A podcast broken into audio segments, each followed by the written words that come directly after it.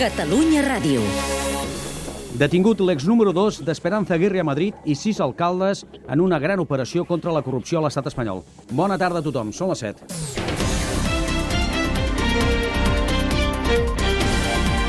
Catalunya Vespre.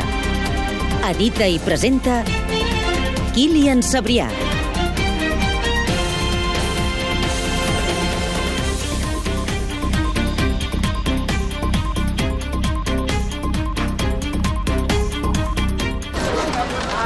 I aquesta és una de les detencions 51 que hi ha hagut a Madrid, al País Valencià, Múrcia i Castella i Lleó. Una macrooperació dirigida per l'Audiència Nacional Espanyola per contractes públics irregulars per valor de 250 milions d'euros. PP i PSOE han estat ràpids i anuncien que suspendran els implicats Albert Calatrava.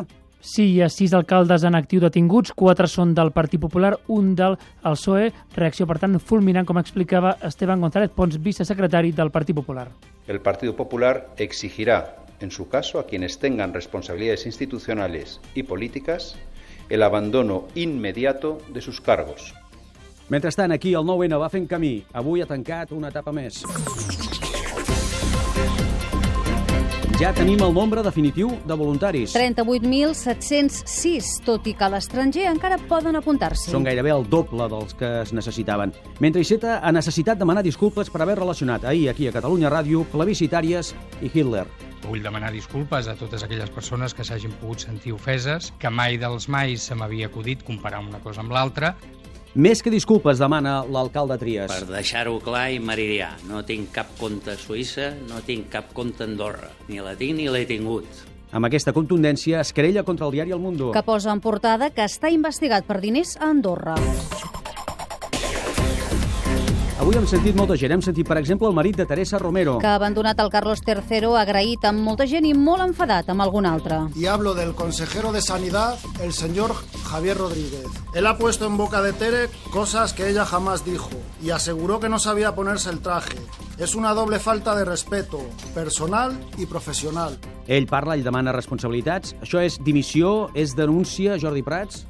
Doncs podríem dir les eh, dues coses perquè Javier Limón demana la dimissió del conseller de Sanitat en Madrid i en paral·lel els seus advocats estudien si han d'emprendre i quines accions legals han d'emprendre. Sigui com sigui, el marit de l'auxiliar té clar que vol netejar de totes totes la imatge de la seva dona, Teresa Romero.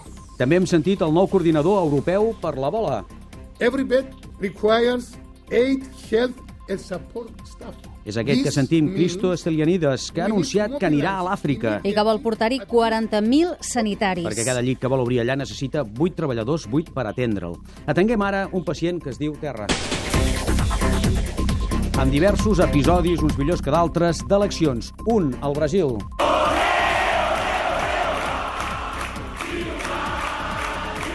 Aquests que fan aquest rodolí són els seguidors de Dilma Rousseff, que ha pogut sortir somrient amb Lula al costat I és que ha guanyat fregant el pal, però ha guanyat. i ha promès reformar la política del país. Que han dirigit els últims anys, curiosament, ella i el mateix Per Lula. tant, s'hauran de reformar ells mateixos. També eleccions a Ucraïna. The results of the election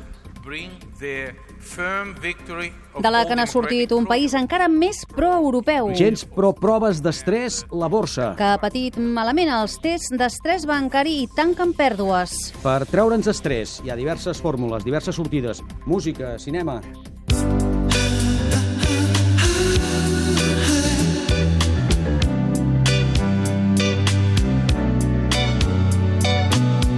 això treu estrès, eh, una mica. Són protagonistes ells, nou ballet, però no venen a tocar Blai Mercè. No, venen a presentar el documental The Soul Boys of the Western Wall, que s'estrenarà d'aquí a només mitja hora al Cinema Aribau, un documental que explica els orígens i les discussions d'una de les bandes més exitoses dels 80. A la pel·lícula hi apareixen els cinc membres del grup, però el millor de tot és que aquests cinc membres, entre ells el cantant Tony Hedley, ja són dins del Cinema Aribau per presentar la pel·lícula i després, quan acabi, respondre totes les preguntes que tinguin els fans.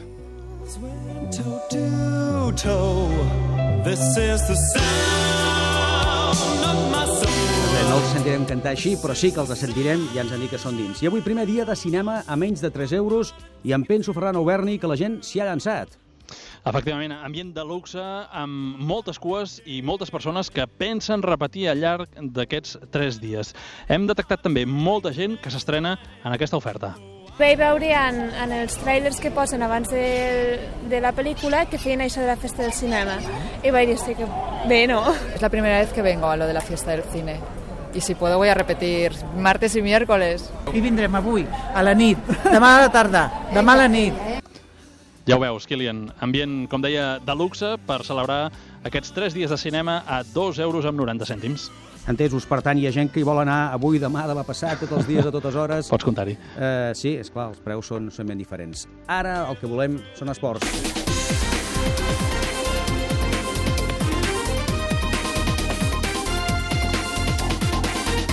Després del cap de setmana que ha quedat marcat pel que ha quedat marcat, ara és dilluns.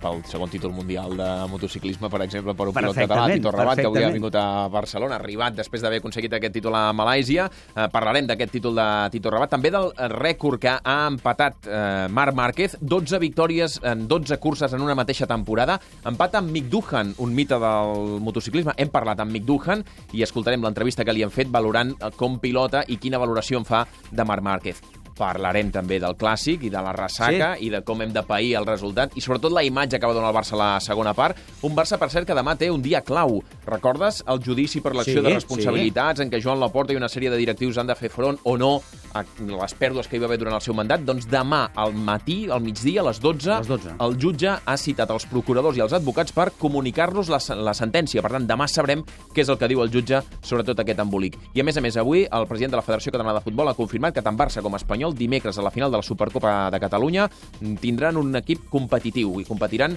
amb jugadors del primer equip de tots dos i que, per exemple, els entrenadors seran els primers entrenadors, Luis Enrique i Sergio, mm. perquè l'any passat, per exemple, els entrenadors van ser Eusebio i Sergio, que llavors era el del filial de Era el del l'Espanyol. filial, sí. Nosaltres també, membres del primer equip del Catalunya Vespre, dedicats ara al trànsit. Oriol Moner, els cotxes. Bona tarda, Kilian. Doncs amb cos ara mateix a la C58 a Montcada, sentit sud, també a l'AP2 al Papillol, en sentit en enllaç amb l'AP7, cues que arriben fins a Molins de Rei, l'antitud a aquesta hora a la B30 a Cerdanyola en sentit nord i a l'AP7 i a la B30 mateix a Barberà en sentit sud. A les rondes de Barcelona, trànsit molt dens, a la ronda de dalt de Sant Gervasi Espluga, sentit Trinitat. I n'hi ha a la ronda litoral a Zona Franca, Cantunis, Portvell, Bac de Roda i Guipúscoa en sentit Trinitat. I també un punt de lentitud a aquesta hora encara a la A2 a Sant Joan d'Espí, sentit Barcelona.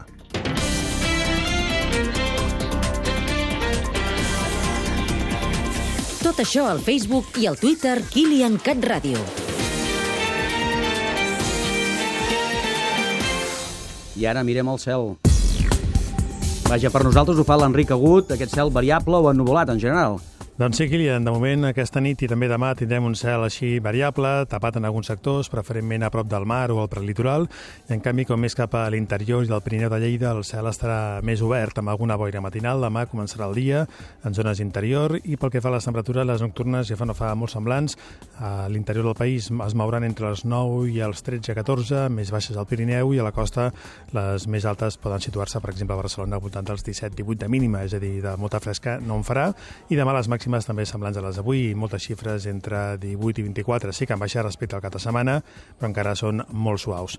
I possiblement ens llancem una mica a la piscina, però potser la setmana vinent eh, el panorama canvia. Potser entre dilluns i dimarts i dimecres també arriba una pertorbació que fa canviar una mica la situació. Entesos, gràcies, Enric, bona tarda. Vagi bé.